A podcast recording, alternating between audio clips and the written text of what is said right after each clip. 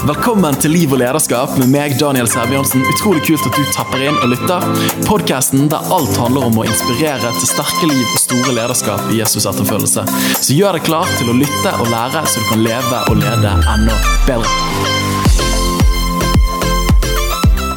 Yeah! Du, da er det en glede for meg å kunne få lov til å invitere til neste episode, eller dette er jo episoden, med liv og lederskap med meg, Daniel Sæbjørnsen.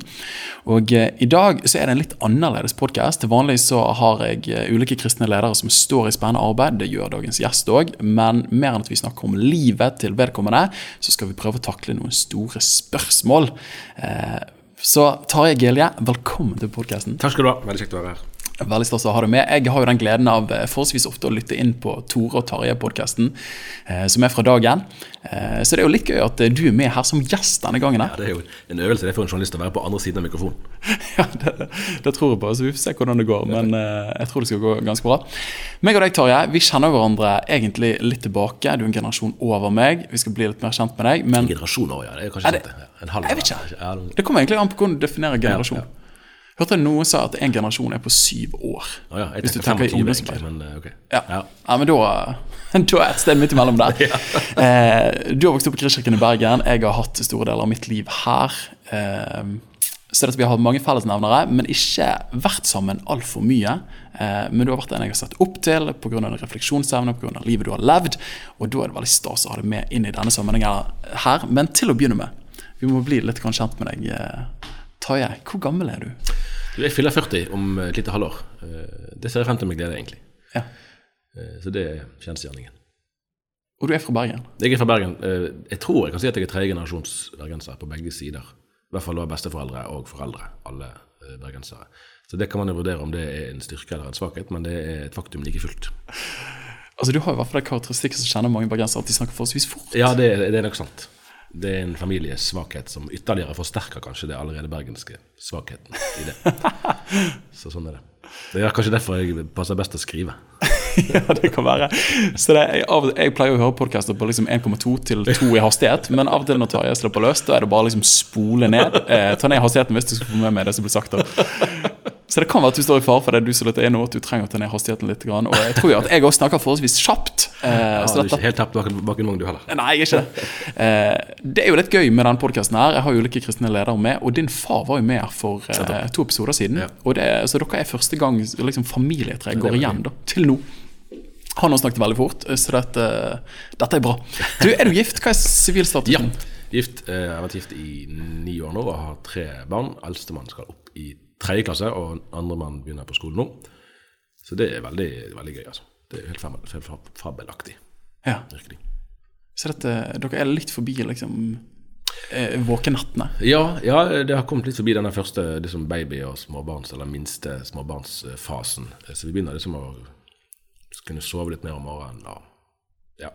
Eh, så det, men det blir jo på den annen side mindre foreldretid eh, om kveldene, da. Ja. Så det, det ja da. Men eh, det har sine faser, og det er jo veldig mye virkelig en, en enestående berikelse i livet. det der altså. Ja, for barnet. Ja, ingen tvil. Hvor det, tidlig det, var du oppe i dag, da? Nei, i dag eh, sto jeg opp uh, helt sånn altså Det som jeg hadde stått opp den en dag jeg skulle på jobb, da. Altså, men altså, tidligere var vi oppe seks-halv syv i helgene særlig. Sant? Det er det slutt på, egentlig. Det er jo fordi at barna har sine skjermer da, å håndtere. Det er ikke til å komme fra det. Men jeg, men jeg har kommet frem til at det er bra for, for en sånn grublertype som meg, så er det veldig bra for den mentale helsen å måtte forholde seg til små barn som har helt konkrete spørsmål. Hvor er fra smokken til ja. iPaden til at du kan liksom gå og fundere i det endeløse på alle mulige abstrakte spørsmål, og så tvinges du tilbake til virkeligheten gang etter gang. Det, det, det har jeg i hvert fall godt av. Ja, jeg tror jeg kjenner meg igjen i det. Altså Du jobber jo i dag igjen, vi skal snakke mer om det. Men hva er utdannelsen akademisk bakgrunn? Du, eh, Foruten en halv DTS og nesten en hel bibelskole, så har jeg eh, En halv DTS, faktisk? Ja, jeg reiste hjem etter den teoridelen. Da kunne du det? Eller Nei, nei det var, det var en, en, sånn åndelig historie. Det, dette er jo lenge siden nå. Men det var veldig kjekt. Det det var på, på Hawaii, faktisk. Eh, ja. I 2001. Så det var der når det var 9-11. Eh, det var jo spesielt, selv om det er langt fra Hawaii til New York. Mm. Eh, det var det, og så var det bibelskolen her hjemme, ja, og så eh, tok jeg først bachelor i sammenlignende politikk med Frank Aarebrot som foreleser, blant andre. Det var veldig gøy. Oi. Og så tok jeg master i kristendom på NLA etter det. Ja. Og det er det. Spennende. Og så har du jobbet innenfor journalistikk ganske begynte, mange år. begynte, jo, riktig det. Jeg begynte faktisk med Operasjon Dagsverk eh, på videregående, og, og litt sånn frilansing eh, på slutten av videregående og inn i studietiden. Holdt på med det liksom gjennom hele studietiden. Det var egentlig gøyere å være journalist enn å være student. Ja. Så jeg eh, brukte nok kanskje uforholdsmessig mye tid på journalistikken, og ikke så mye på å lese pensum. Eh, og så ble jeg ansatt, så det var en 10-12 år med det, og så ble jeg ansatt i dag i 2008. Da var jeg nesten ferdig med mastergraden, Ja. og har da vært ansatt der siden det. Men du hadde jobbet i dagen litt før òg? Ja, så jeg hadde første sak på trykk i 1998. Eh, og så var det sånn til og fra. Det var ganske mye egentlig frilansskriving i studietiden. Ja. Sånn at eh, tidlig i 2000-tallet var det ganske mye arbeid òg, men da var ikke jeg fast ansatt. Da var det mer sånn at jeg kunne styre, styre tidene sjøl. Og så begynte du journalist, journalist, og i dag er du redaktør i Dagen. Ja, ja, for i 20, 2010 var det redaktørskifte. Ja. Så den jobben jeg har nå, har jeg hatt siden det. da. Spennende, spennende. Du, Jeg pleier jo alltid å ha et litt sånn random spørsmål, så kanskje liksom slipper oss bak litt av de intellektuelle tingene vi sier. Men uh, hvem er personen? Du, hva er det beste sommerminnet ditt? Ja, jeg funderte litt, litt eh, på det. Jeg vet ikke jeg, hva som er det beste, men det, det første som jeg tenkte på, det har jeg tenkt litt på i det siste. Det var at i, i 1994 og 1995, da var jeg på to sånne altså Vi kalte, det for teamturer, Mm. altså misjonsreiser. da egentlig. Vi var i Estland i 1994. Det var med en, sånn eh, familiegruppe fra menigheten. eh, og så var jeg med UiO-team, Ungdom i oppdrag-team, i, i Murmansk i 1995. Og det var litt sånn epokegjørende på den måten at ytre sett så var det jo første gang jeg opplevde eh, fattigdom kanskje sterkt sagt, men i hvert fall mye fattigere enn det vi var vant med. Og så faktisk Oi, her er ikke det varmt vann i dusjen. Oi, toalettene her er vesentlig mindre renholdt enn de vi har hjemme. Eh, og det, altså dette materielle, materielle forholdet var, var veldig annerledes. Så det var den, den det tror jeg er en god læring for eh, velfødde nordmenn å se at det finnes en verden. Og dette var ikke noe slumområde i det hele tatt, men likevel var det et område som veldig mange mennesker Altså dette er standarder for veldig mange mennesker. Eh, og så var det òg en opplevelse av å være på misjonsreise. Eh, altså Kristelig sett at det var en dannende Jeg vet ikke om vi jeg er usikker på liksom, hvor sterke sporene etter oss var hos de menneskene vi møtte. Det er jo vanskelig å måle, men det var veldig eh, viktig for meg og for familien min å, å få være med på Ja, evangeliet fortjener å bli delt med flere. Ja. Eh, og her er noen mennesker som ikke kjenner evangeliet, og det skal vi få lov til å, å hjelpe dem til å bli. Eh, og det, det satte kanskje dypere spor enn noen av oss forsto da. Ja. Er ikke det fint? Jeg har reflektert over det nå for egen del òg, på de ulike misjonsturene man har vært på, og teamturene man har vært på. At jeg er litt sånn tvilsomt hvor mye frukt det er i dag av eh, den tiden jeg hadde der. Men i hvert fall den formative effekten jeg hadde på mitt liv og min trosreise, eh, er i hvert fall uten tvil stor. da. Men jeg opplever at, at Ungdom i oppdrag, eksempel, som har gått i bresjen for en kort tidstyme, ja. egentlig har en veldig klar erkjennelse av det. At disse sånn 14 dager, tre uker, Ja. har som regel mer betydning for de som reiser, enn for de som får besøk. Mm. Så man må oppføre seg ordentlig og ikke bruke de som prøvekaniner for åndelige eksperimenter. Eh, Men, men særlig hvis man kan gå inn i et eksisterende arbeid lokalt, altså i det landet man er i, og det er, og det Og er det jo ofte, ja. så, så har jo det en verdi i seg sjøl, men først og fremst at det har en, en betydelig verdi, tror jeg ofte, for de som får den opplevelsen, den smakebiten. Ja, det tror du helt rett i. Du, spennende. 94-95, altså. Du, Før vi hopper inn i de store spørsmålene som vi skal takle i dag, og gleder meg til å snakke litt mer om det, eller mye mer om det eh, men, eh, men jeg har jo personer på denne podkasten som deler en tro på Jesus, som ønsker å følge han med livet sitt. Eh, og Hver trosreise og livsfortelling er ulik, men eh, ville du delt noen glimt fra din trosreise? Du har vokst opp i et kristent hjem, vi har hatt en far på her tidligere. Men det er ingen selvfølge å vokse opp i et kristent hjem, sånn som vi skal snakke om senere, og det å bevare troen, og ikke minst vokse i troen. Så hva har vært viktige, eller noen glimt i din trosreise, og viktige sannheter fra den kristne troen som betydde noe for deg? Det er jo et godt og stort spørsmål, så man kunne jo svart på det veldig lenge. Det skal jeg ikke gjøre nå. Men, men eh, altså, jeg kan aldri huske at jeg ikke har tenkt på meg sjøl som en kristen. Altså, jeg har ikke noen sånn dag at der, der snudde det. Så det er jo en, en, en viktig eh, faktor i fortellingen. Eh, jeg tror jeg var en ganske snill gutt, så jeg har ikke hatt noe sånn tenåringsopprør eller ungdomsopprør ennå. Heller ikke når det gjelder den kristne troen som mine foreldre eh, ga videre til meg. Eh, Jeg husker at jeg gikk på Danielsen, altså en kristen friskole på ungdomsskolen, og det var ufattelig, ufattelig takknemlig for de årene positivt sett. Det var jo samtidig som Kristkirken ble grunnlagt, så det var veldig, sånn, veldig gode år på mange måter, med skikkelig opptur. Eh, Så var det litt sånn sjokk da å komme tilbake til, for da gikk jeg tilbake til den offentlige videregående skolen der som jeg bodde, og bor for så vidt fra nede i det strøket. Eh, og da, da var det ikke sånn Oi, er dette egentlig mitt? Er dette bare noe som jeg har lært, som ikke holder? Eh, og fant og husker jeg trøst i en, i en sang som handlet om Bibelens salme 62, 'Bare i håp', til Gud, eh, vær stille min sjel, osv. Mm, vakkert. Eh, og det, var, det, det husker jeg som en veldig sånn konkret opplevelse på gutterommet. At her, jo, dette, dette holder jeg meg til. Dette tror jeg på. Dette tror jeg er ekte og virkelig. Så det var kanskje den første sånn runde med en slags anfektelse eller, tvil. Eh, og så har jeg tenkt på etterpå hva var det som gjorde at jeg har blitt bevart, og at jeg fremdeles har vært aktiv og er aktiv, sammenlignet med mange i min generasjon som, ikke, som var med i, i menigheten jeg er med i, eller tilsvarende, som, som ikke lenger er det. Jeg har ikke noen veldig sikre svar på det. Jeg tror at vi i familien hadde ganske stor takhøyde for at det var lov å snakke ærlig og åpent om, om uh, forskjellige ting. Uh, det, ikke, det, ble ikke kneblet. Uh, det var helt greit å sette ord på det. og så har vel jeg kanskje vært heldig tror jeg, uh, med at jeg har opplevd også i menigheten at det var egentlig ganske godt rom for å kunne lure på ting. Uh, mm. Det har nok andre i samme menighet opplevd forskjellig. Mm. og der kan man jo fundere lenge vel på hva var forskjellen der, egentlig. Det vet jeg ikke helt. så jeg har opplevd forholdsvis godt rom for det, og dermed har man kunnet gå gjennom ulike faser. Ja, Og det har vært rom for de fasene? Ja. Ja. Men jeg har full respekt for at det, og det vet jeg jo positivt, at det er det mange som har opplevd annerledes i den samme menigheten. Ja.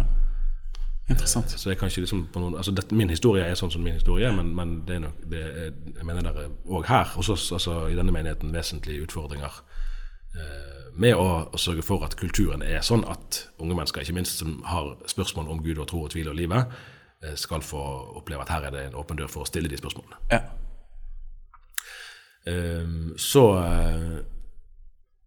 så har det jo vært en, en uh, periode, kanskje altså Jeg var tenåring på 90-tallet, og da var det veldig mye. sånn at det var Trosbevegelsen var på topp. Uh, I perioder kunne du føle som hva i all verden er egentlig vitsen med å drive frimenighet når man ikke er Leve? Ja. For det var jo det helt store. Sant? og De var jo fem ganger sikkert større enn oss. Uh, det kunne vi snakket mye om, men ja, det er jo bare et fenomen. Og sånn er det jo, Nå, nå er det salt, sant? Som, som er liksom den store Hvorfor i all verden hva er vitsen med å drive frimenighet og ikke være med? Uh, ikke være med der. Og sånn, tyngdepunktene skifta. Altså, Heia Salt det var ikke noe forsøk på liksom, å desavuere på noen måte det, eh, men at, at eh, ja, tidene skifter, og ofte skifter de på helt andre tidspunkter enn man hadde forventet. Ja. Eleven nå var jo på en måte en varslet krise òg. Eh, sant? Eh, men så må man prøve å finne hva er det som er åndelig sunt. Eh, og så er det en utfordring, syns jeg, da, og når man har vært med på Det blir sagt og liksom i hermetegn profetert mm. ganske heftige ting i 90-årene som ikke har blitt sånn som det ble forespeilet. Og, og ikke minst fra vår egen sammenheng. Absolutt. absolutt. Og hva gjør man med det? Mm. og det er, det er, jo kanskje en av min generasjons litt sånn dype utfordringer her, at vi kan bli resignerte. Mm. Sånn, for Etter hvert så blir du vant med at det sies ting fra scenen som du ikke egentlig kan stole på. Du går nesten inflasjon i greiene. Ja, i store ting. Og, og selv, altså selv, i hermetegn små ting blir lagt store ord på. Ja. Eh, og etter hvert så merker du at du må ha et filter for det som sies fra talerstolen. Det er jo egentlig veldig alvorlig. Hvis du vet at predikanten sier noe, og han sier det på Guds vegne, men jeg vet at egentlig så er det ikke nødvendigvis sånn som han sier. Ja. Og det viser seg jo over tid. Eh, det, det, plager meg fremdeles ganske mye. Eh, så det tror jeg vi skal bearbeide ja. lenge og vel, og grundig og ordentlig. Eh, men så må vi òg passe oss for å ikke, ikke bli de der skeptikerne som eh, står og ser på. Helt sant. Eh, og blir iakttakere fremfor, eh, fremfor deltakere. Nå, jeg ble veldig inspirert nå i, Nylig hadde Oasebevegelsen 40-årsjubileum. Mm. Ja. Og da, og da eh, fortalte de blant annet om De begynte med noe som het Hellig åndsseminar i Storsalen i Oslo i 1977. Det var før jeg var født. Dette var jo lenge før mobiltelefonens tid, så da, da, da, hadde Jan Gossner, som prest i Norske kirke, da senere frikirkepastor, en tale om, som mante til omvendelse. Sant? Og du kunne høre, Det var sånne gamle kinostoler, så du kunne høre klappinger altså når stoler slo seg sammen. For nå måtte de gå på kne for Gud. Ja. Og du kunne høre stolene. Ja, kjempe, for en lyd. Sant? Den fester seg i Jeg var der ikke, men jeg har fått den beskrevet. Så du går på, går på kne for Gud og bekjenner sine synder, og da er det jeg og mitt folk har syndet sant, fra Nehemja. Det er ikke sånn at de andre, de andre, de verdslige, det er de som må skjerpe seg. Det er vi som må omvende oss. Eh, og det fortelles om at det var tilløp til kø ved telefonkioskene rundt Holbergsplass i Oslo. Av folk som skulle ringe hjem til koner og foreldre. Og tatt oppgjør med, og tatt oppgjør med sin egen synd. Til, til, og med var det en, så, en ligningssjef som kom til en av de lederne og spurte disse møtene i Oslo, hva som skjedde her? For da var det folk som hadde ringt til ligningsvesenet òg for å gjøre opp skattesaker. Å, nydelig. Dette var en kristendom som, dette var en kristendom som, som ligningssjefen kunne like, sa han visst. så, så der er noe, og, og, jeg synes det, er mye mer, altså jeg får mye mer med årene for å si det sånn da, hvis metaforisk forstått eller bokstavelig, behov for å bøye meg for Gud enn for å løfte hendene så høyt jeg kan. Ja. Bra sagt. Ja, og det tror jeg egentlig vi trenger mer av. Vi må gjerne løfte hendene. Det har jeg gjort mange ganger, virkelig. Sant? Eh, Men, men det er noe med ærefrykten for Gud som jeg tror vi kan miste litt i den her veldig intimiserende personlige greien som vi dyrker litt eh, nå. Eh, At vi glemmer litt hvem vi står overfor. Eh, Og hvis, vi ikke, hvis ikke det er sånn at jeg står ansvarlig for Gud med livet mitt, hvis ikke, hvis ikke den grunnleggende forståelsen er der, så kan på en måte følelsene og stemningene drive oss til mange ting. Og da tror jeg kanskje heller jeg ville begynne med fotball eller med noe annet. liksom. Og her kunne vi snakket veldig mye mer, Tarjei. Eh, takk for noen av disse glimtene i din egen trosreise. Det å, og jeg vet jo, Vi begge kommer jo fra den bakgrunnen her. Eh, du var med på ville 90-tallet her i Kristiansand. Toronto-tiden og de tingene der. Jeg, jeg var litt yngre da. Jeg husker mamma dro på møter der. Jeg lekte med biler, syntes det var utrolig lange møter og syntes det var kjedelig. Eh, men jeg, vi kommer på en måte Jeg pleier å tulle med av og til at jeg har liksom bakgrunn for Charismania. Ja, Eh, ja, ja. Og Man har tatt med seg veldig mye rikt herifra, men jeg kjenner at det er en berikelse i det du blir eldre, og at du får en moden tro. i den forstand at eh, Jeg husker da jeg begynte å studere teologi, og det å bli eksponert for andre teologiske sammenhenger, andre menighetssammenhenger, så tenkte annerledes andre, andre praksiser, beriket meg mer enn at de var en trussel, at jeg hadde sett det og de ikke hadde sett det. Så kjente jeg at jeg ble liksom ydmyket fra mitt ståsted. Jeg trodde vi hadde det, og det er en sånn ungdommelig arroganse og tenker at det er kjent til, det er sånn det er, liksom. Eh, men det er et mye større landskap enn det man var kjent med. Og jeg er så utrolig takknemlig for det. da. Eh, Og kjenner jeg kan verdsette bredden i mye større grad enn det jeg gjorde tidligere. da. Og det tror jeg du kjenner deg igjen når du sitter oppe på det. Du arbeider jo nå som redaktør i den kristne avisen Dagen, en tydelig kristenstemme i Kristen-Norge og utover. og Du forkynner mye, du er eldstebror her i Kristkirken. Eh, har du en kallsopplevelse eller et oppdrag, et mandat du opplever du fyller utover i nasjonen vår? Når jeg var eh, 17 år, tror jeg, 16 eller 17 år, så skulle jeg til eh, noe som het Soul Survivor, som var en sånn tennoase-lignende sak da, i den anglikanske kirke. Svære sommerfestivaler med jeg tror det var sånn 15 000-20 000 del. Det var det stort på den tiden òg. Kjempedigert. Jeg tror det var sånn to eller tre liksom, forskjellige uker, og det var kanskje sånn 6000 på hver av de. Så det var kjempedigert. Eh, Så det var jo en stor flott opplevelse i seg sjøl. Det var en, en gjeng fra, både fra Kristkirken og fra andre menigheter i Bergen vi reiste. Eh, Men det som jeg husker best, faktisk, var på fergen Jeg tror det var fergen bortover. Da gikk jo Englandsbåten. Den går over, det er mange år siden jeg sluttet å gå. Etter at Norwegian kom og sånn. Eh, Men da skulle vi ta fergen over, og så var det et team fra Ungdom i oppdrag i tror det var i Skottland som var på den samme fergen, og fikk rede på at vi var da en kristen ungdomsgruppe som skulle på Soul Survivor, så de ville gjerne fortelle oss litt om Ungdom i oppdrag. Og det var fint, så da fikk vi sånne møterom eller ting på fergen, og de viste en video, og da hadde jeg hørt om Ungdom i oppdrag, og jeg visste om noen eh, i menigheten som hadde gått på DTS og sånn. Eh, og så var vi der, vi var vel en 40 stykker sikkert, eh, og så ble jeg stående litt igjen etter de andre var gått og bare se på brosjyrer og var liksom allment nysgjerrig. Og så husker jeg helt konkret at en av, av de unge damene da, på det teamet, sikkert i 20-årene eller noe, eh, jeg var da 16-17, kom og spurte meg om jeg følte at jeg hadde Do you feel that you have a pastor's heart? spurte hun. Altså, at du har et pastorhjerte. Og da kunne jeg helt umiddelbart svare ja, det gjør jeg. Eh, og det hadde jeg nok jeg tenkt på i noen år, men hadde ikke våget å sette noe særlig ord på det. Eh, men overfor hun i samtalen så liksom traff Det var ikke sånn at hun skapte virkelighet med det hun sa, men hun traff den virkeligheten som var som der. var der. Og hun kunne ikke vite det.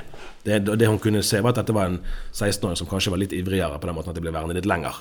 Det kunne hun observere, men utover det kunne ikke hun vite. Jeg har ikke peiling på, på hvem hun var, hun visste ikke hvem jeg var.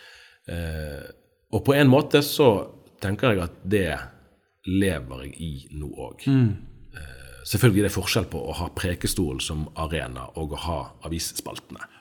Det kan man snakke lenge om. Eh, Men sånn, dypest sett så, så er det egentlig langt på vei den funksjonen jeg ønsker å ha. Og med det mener jeg ikke at, liksom at man skal ta imot det som jeg skriver i avisen, som om det var en preken. Eh, avisformatet er på en måte mer eh, øyeblikkelig.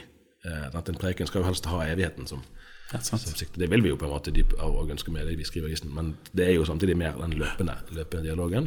Men sånn når jeg skal prøve å, hva er det jeg holder på med, eh, så, så tenker jeg egentlig litt eh, pastoralt om det, da, på et vis eh, fremdeles. Eh, Og da, Det er ikke sånn at det der var et vendepunkt i livet, men det var en sånn konkret Hun spurte meg om noe som traff noe i meg, som hun umulig kunne vite om på forhånd. sånn. Ja, det er sterkt å høre. Og at, altså Bare ut ifra det jeg kjenner deg som, eh, så gir det veldig resonans når du sier det. Det å ha et pastorhjerte, det å både vokte, men òg nære Guds folk. da. Og det opplever jeg at du gjør i, stor grad. Eh, nå går vi snart over i samtalen, ja. og jeg merker det er så mye vi kan snakke om. Jeg og Tarjei, jeg har vært hjemme hos deg før, vi snakker lenge. Du serverer Pepsi Max til det holder. Eh, drikker du mye Pepsi Max Ja, det, det, er, det er en svakhet jeg har arvet fra min far. Det var alltid Pepsi Max i huset hjemme, og hvorfor skulle man nå drikke Solo? Sånn er det. sånn er det. Når han satt der og spilte en podkast med meg, så hadde han med seg Pepsi-markedet. Jeg lurer på om det var halvannen liter. Han drakk ikke alt det, men hadde det med. men du, du, jobber jo dagen, og dette står egentlig ikke på spørsmålet. Vi kommer til de store spørsmålene, Men trenger vi en kristen presse? Av og til når jeg reiser rundt i kristen eh, Norge, forkynner, så møter jeg gjerne mennesker som sier 'Har du lest det sto i den kristne avisen der?' uten å nevne navn. Og så er det gjerne negativt. Hvordan kan disse folkene som er kristne journalister, henge folk ut som er kristne, de òg, på denne måten her? Hva er liksom ditt forsvar for en kristen journalistikk? Det første, eh, det første, forsvaret er jo egentlig at eh, en kristen avis er en arena for å formidle kristen eh, tro og tanke. Altså forkynnelse, for den saks skyld òg. Ja. Sånn I liksom statuttene som dagen har, altså forankringen eller forfatningen som har vært den samme siden 1919, så er det punkt A. Altså det første punktet er avisen skal bringe godt og oppbyggelig stoff. Ja, altså Bra at det ligger der. Det er det, det, er det aller første avisen skal gjøre. Og det skammer vi oss ikke over. Så det er det positive, altså det vi ønsker å fremme. Eh, så har jeg den helt enkle overbevisningen om at alle steder der det er menneskelig samhandling, og ikke minst alle steder der det er makt, eh, så er det bra at man har eh, et journalistisk ettersyn. Mm, med et kritisk blikk? ja, et, det ligger jo i det, det, et journalistisk ettersyn. Det er ikke bare en, en, en, et speil. Det er òg en, en, normerende dimensjon i det. Og det mener jeg alvorlig er bra for alle. Noen ganger vil det være ubehagelig, kanskje ikke minst når det rammer en sjøl, men det er bra for alle fordi vi alle har makt korrumperer, og det er ikke kristen makt unntatt fra. Mm. Det er alltid en risiko der. Og hvis folk får lov til å holde frem uten at det blir stilt spørsmål ved det, så er det alltid risiko for at, ja, for at misjonspenger blir kastet vekk. Mm. For at eh, personlige maktkamper blir dominerende, f.eks. Eller at, at, ledere får gjennomføre, altså har resonnementer som ikke holder, men det blir ikke stilt spørsmål ved det. Mm. Og så kan du si at ja, det kan du håndtere internt. Erfaringen viser veldig tydelig at det er for lite. I mange sammenhenger så er ledernes sterk, sin stilling i egen sammenheng så sterk at det blir for, det, altså risikoen ved å stille spørsmål blir for stor. Uh, fare for utstengelse, formelt mm. eller uformelt. At, uh, at det, det, skjer faktisk ikke. Og, og uh, nå har vi jo hatt mange runder de senere årene med, med altså Metoo kom jo i de siste par årene, men før det har det vært mange runder i kristne sammenhenger om tilsvarende saker. Mm. Og så har det også vært mange saker om maktmisbruk av en mer hva skal jeg si, en åndelig art. da, Ikke, ja, ikke det som går på det seksuelle, ja. men, men, av åndelig manipulasjon, av styring osv. Der jeg virkelig vil mene at her har det vært behov for at noen stiller spørsmål eh, ved det.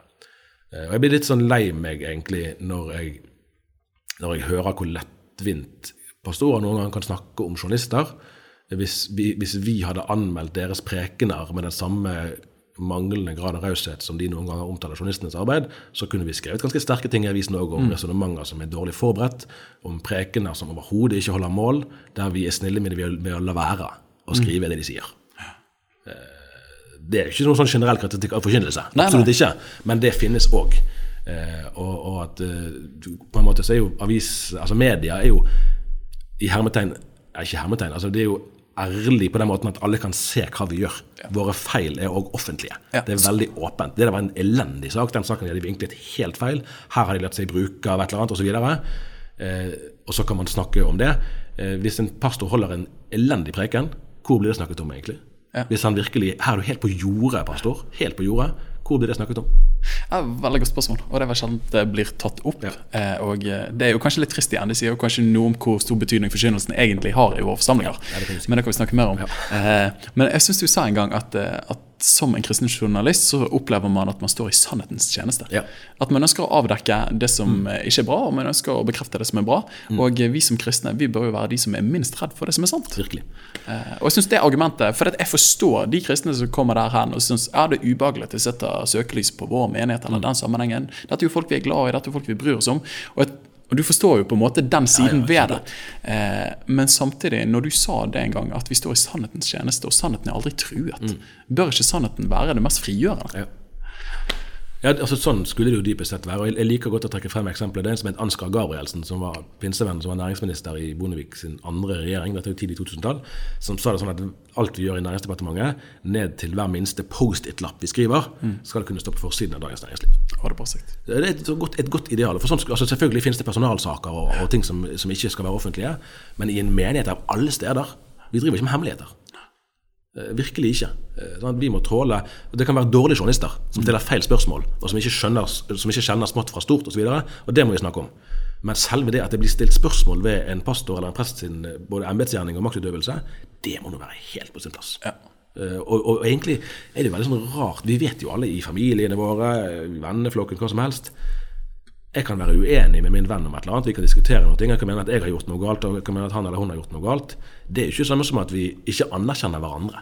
Nei. Det er en sånn ganske sånn farlig tankegang at fordi vi er en kristen avis, så skal vi ikke skrive kritisk om andre kristne. Da, da, da bygger vi jo på en, en illusjon, og egentlig en løgn, om at vi kan kun være venner hvis alt er bra. Og hjelper heller ikke Og, folk eller at mine venner gjør aldri noe feil. Ja. Vi vet jo at sånn er det ikke i virkeligheten. Nei, helt sant. Og hvis vi leser i Bibelen, det er ikke sånn at kong David kommer fra det med plettfritt rulleblad. Nei, nei, På ingen som helst måte. Ah, du, dette er bra. Håper at dette kan få lov til å være eh, en liten eh, likevekt hvert fall, til de som måtte ha et kritisk blikk til eh, kristen journalistikk. Du, Denne samtalen her handler jo om og heter eh, 'Spørsmål kristne står overfor i dag'. og eh, det har seg sånn at For en tid tilbake så leste jeg en klassiker av John Stott som eh, shout-out. Digger den mannen der. Han gikk bort i 2011. Du liker han, du òg? Ja. Han skrev en bok som het 'Issues Facing Christians Today', og kom først ut i 1984, men har kommet i en rekke opplag siden det, hvor han prøver å takle samtidsaktuelle spørsmål som krig og fred, klimautfordring, fattigdom, etisk mangfold, forbrukersamfunn, abort, homofili, bioteknologi osv.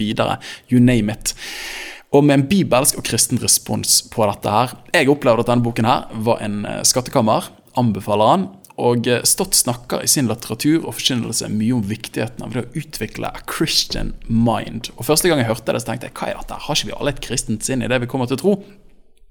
Men det han utdypet det som, var at i vår samtid så møter vi mange utfordringer.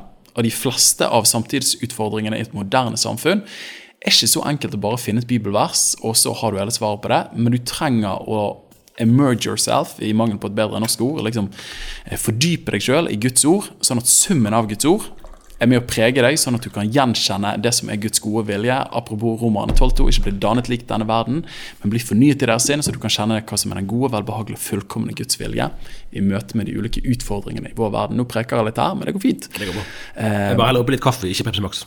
Nei, det er bra, en god presisering.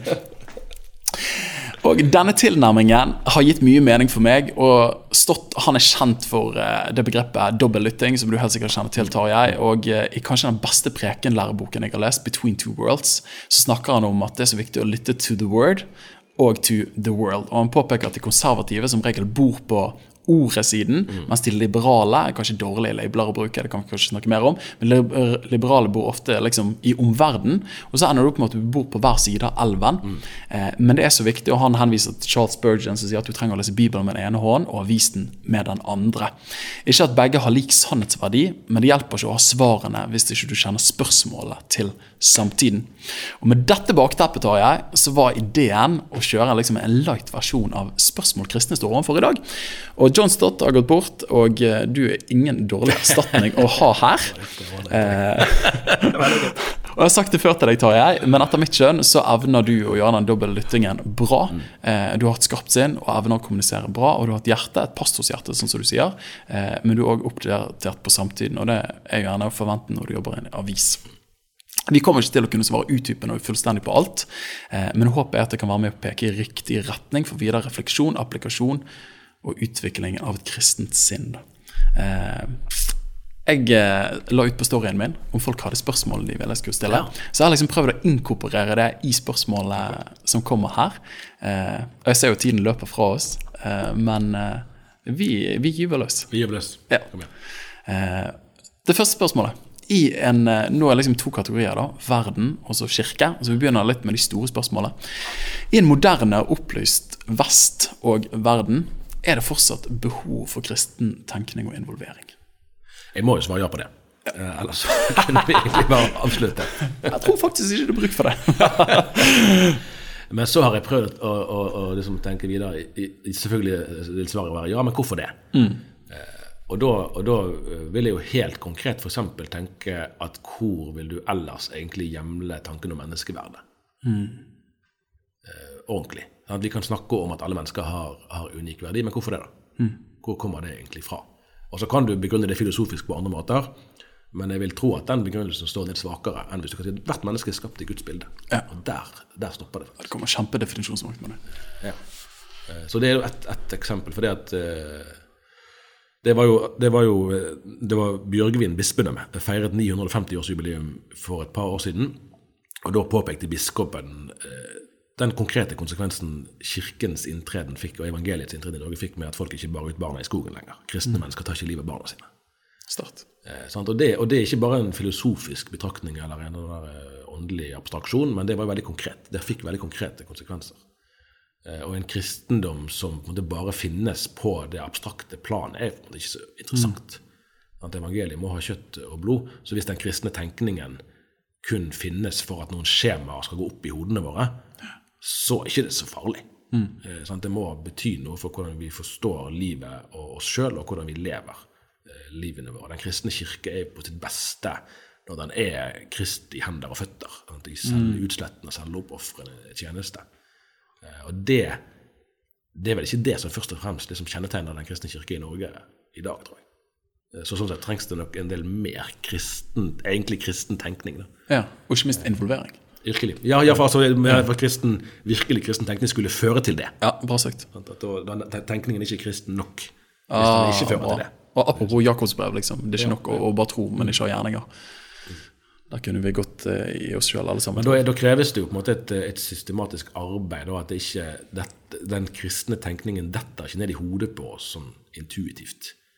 Eh. Det, det, det, der med double listening og double lytting er veldig godt. Det betyr ikke at man skal lese avisen på samme måte som Bibelen. Det kan jeg virkelig skrive under på at man ikke må gjøre. Men det er en veldig fordel å lese begge deler. Ja. Eh, Det er det virkelig. For å kunne forstå eh, Altså Martin Luther spurte hvor kan jeg finne en nådig Gud for 500 år siden. I dag er det helt andre spørsmål mm. menneskene stiller. Hvordan kan vi da eh, la evangeliet få inngang gjennom å faktisk treffe de spørsmålene som blir stilt Ja. i vår egen tid? Men da må vi nesten vite litt om vår egen tid for å kunne stille de spørsmålene.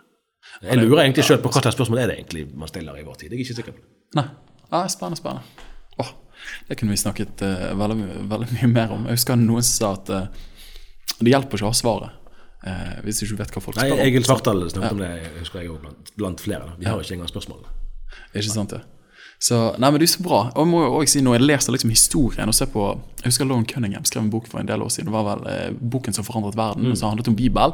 Og så liksom på implikasjonen av hvordan kristen tenkning og det når man får Bibel, hvordan det forandret folkegrupper, etniske grupper, steder, og beriket det og gjort det bedre å bo der. Da eh, Da kjenner jeg blir veldig sånn ydmyk, men også takknemlig for egen kristen tradisjon. Nei. At dette har faktisk praktiske implikasjoner som betyr en forskjell for folk i sine hverdager. Virkelig. Vi hadde, dagen hadde 100-årsjubileum i, i fjor, altså i 2019. Og da var jeg på en, en kollega, han som jeg lager podkasten sammen med Tor Hjalmar Sævik, var på en sånn jubileumsturné. Og da sto vi på jordet i Østfold, dersom Hans Nilsen Hauge hadde sin åndsopplevelse. Og vi vet ganske nøyaktig hvor. Så vi kunne se utover 100 meter og cirka rundt, og her et sted var det han gikk. sant?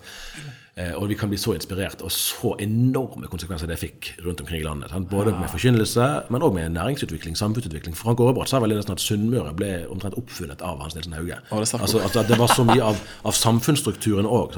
Store bedrifter som holder på i dag, som ble etablert eh, i den haugianske vekkelsen. Eh, Så vi kan virkelig også inspirere det. Men så er det samtidig tankevekkende at dette er jo nå 200 år siden. Ja. Altså det, hvor er, hvor er liksom entreprenørkraften? Hvor er de som, de som bygger ting eh, i dag? Ja. blant, blant, altså, hvor er den kristne tenkningens utslag i vår tid? Eh, og der, der lurer jeg mer og mer på om vi har, på kommet, vi har kommet på defensiven, og vi har kommet i forsvar. Vi eh, klarer ikke å håndtere samfunnsutviklingen. Eh, Og ender opp med å bli reaktive fremfor å være proaktive, for å si det med sånne fine, moderne ord. eh, Der, der liksom hos Hauge og hos mange andre, som Cunningham skriver helt riktig om fra mange land i verden, så er det kristne mennesker som har sagt ok, vi lever i en samtid, her er det mange ting vi, som er annerledes enn vi skulle ønske. Det er meg og mitt folk som har syndet, vi må omvende oss, og så må vi eh, bygge Guds rike. I, i breieste mulige forstand. Ah, deilig. Måtte dette her bli et imperativ for oss alle til å ta mer fatt. Du, neste spørsmål. Klimakamp. Dette ordet her er jo svært. Det er før, jeg husker tidligere når jeg vokste opp, så har jeg liksom aldri vært veldig interessert i klima. Og så liksom Bellona, og det var et par personligheter som ropte høyt om disse tingene her. I dag så er jo det mainstream, og kanskje med framveksten av type politiske partier som MDG i en rekke europeiske land. Klimastreik, Greta Thunberg har opptatt det siste året, i hvert fall mye. Og jeg har liksom lurt, som kristen leder, og ikke minst som etterfølger av Jesus, hvordan skal responsen fra oss kristne være på klimautfordringen? Du har egentlig i stor grad så vil jeg si at kristne ofte har vært stille, i hvert fall fra Mm. lavkirkelighet og frikirkelighet. Eh, og så har du noen som går til den ene ytterkanten, og så har du andre som opplever å gå til den andre ytterkanten. Hvordan kan vi, med liksom, hvordan kan en bibelsk respons på dette være? Kan- Det, det finnes nok eh, noen som, som forholdes altså der, der det blir på en måte sånn klimareligion. Ja. At, at det blir liksom eh, det altoverskyggende eh, spørsmålet. Eh, og det kan ikke kristne være med på, altså på det premisset. Men det er virkelig ikke den bekymringen jeg tror vi skal bruke mest krefter på. Er? Jeg tror det er en mye større bekymring at her har, som du sier, særlig kanskje frikirkeligheten og lovkirkeligheten, vært altfor sein på ballen og rygget inn egentlig i et saksfelt som engasjerer stadig flere. Og sånn sett var det interessant. Vi har gjennomført en stor undersøkelse nå det siste halve året eh, blant kirkeaktive. Ikke bare blant de som er medlemmer, men de som går regelmessig til kirke rundt i Norge i, i alle protestantiske eh, trossamfunn. Og faktum er jo at eh, klimabekymringen er større hos disse enn i befolkningen for øvrig. Er det sant? Det er sant. Eh, og det, det var liksom Nei, det kan du godt si. Uh, det, det var interessant. Sant? Så kan man lure på hvorfor det er, og hva er de bekymret for. Og, og, det, og det vet vi jo ikke. Vi har stilt noen spørsmål som vi har fått svar på, og da var det, det funnet. At, og det er jo, en, tror jeg må være en signifikant endring. Ja. Uh, Vi har, vi har jo ikke tilsvarende tall fra 25 og 20 år tilbake. Men ut fra det vi antok, så er det interessant. Og vi ser jo at særlig blant de som er Altså Jeg hører jo mine, mine barn på sånn fire-fem år som sier til meg ja, men det er ikke bra for miljøet. Sånn snakket jeg da jeg var fire-fem år, det er helt sikkert. Eh, sant? Eh, og det er jo sånn underlig Vi står overfor liksom, eh, altså, fagfolk innenfor geologi og alle mulige fagfelt som berører dette, og så skal liksom kristne mennesker si at nei, de kan ikke sin geologi, for dette passer ikke med vår, vårt Eskatologi. Ja. Det- blir helt sånn sær Hvorfor i all verden skal jeg høre på det du sier om Gud, hvis du later som at det ikke finnes klimaendringer? Liksom? Altså Det kan bli ganske lett eh, å, å stille det spørsmålet fra, fra sekulært hold. Eh, og det er jo interessant å se at MDG, som på noen områder virkelig tar tiden på pulsen Det blir veldig spennende å se nå de kommende valgene om de klarer å, å befeste sin stilling, om de får den saken, eller om andre partier klarer å, å gjøre den til sin. Eh, så langt viser jo valgundersøkelsene at MDG har, er blant de som har de aller mest sekulære velgerne. Ja. Dette måles jo. altså Folk blir spurt eh, fra forskerhold, eh, og da er det SV og MDG som, som leder på den sekulære skalaen. Så det er noen kristne profiler i MDG, men så langt er det egentlig en, en veldig tydelig sekulær virkelighetsforståelse som rår grunnen der. Men, men eh, helt, altså dette er jo tilbake til første Mosebok. sant? altså Fyll jorden og legg den under dere. Eh, kristne skulle jo ikke bare være med på, men gå først i det å ta vare på jorden. Det, det, er Gud, det er Gud som har gitt oss der. Vi er ikke gitt det for å fråtse med det eller for å skalte og valte med det bare for oss sjøl. Vi er gitt det for å være gode forvaltere, og i det å være gode forvaltere ligger vårt kristne vitnesbyrd. Apropos kristen tenkning. Sant?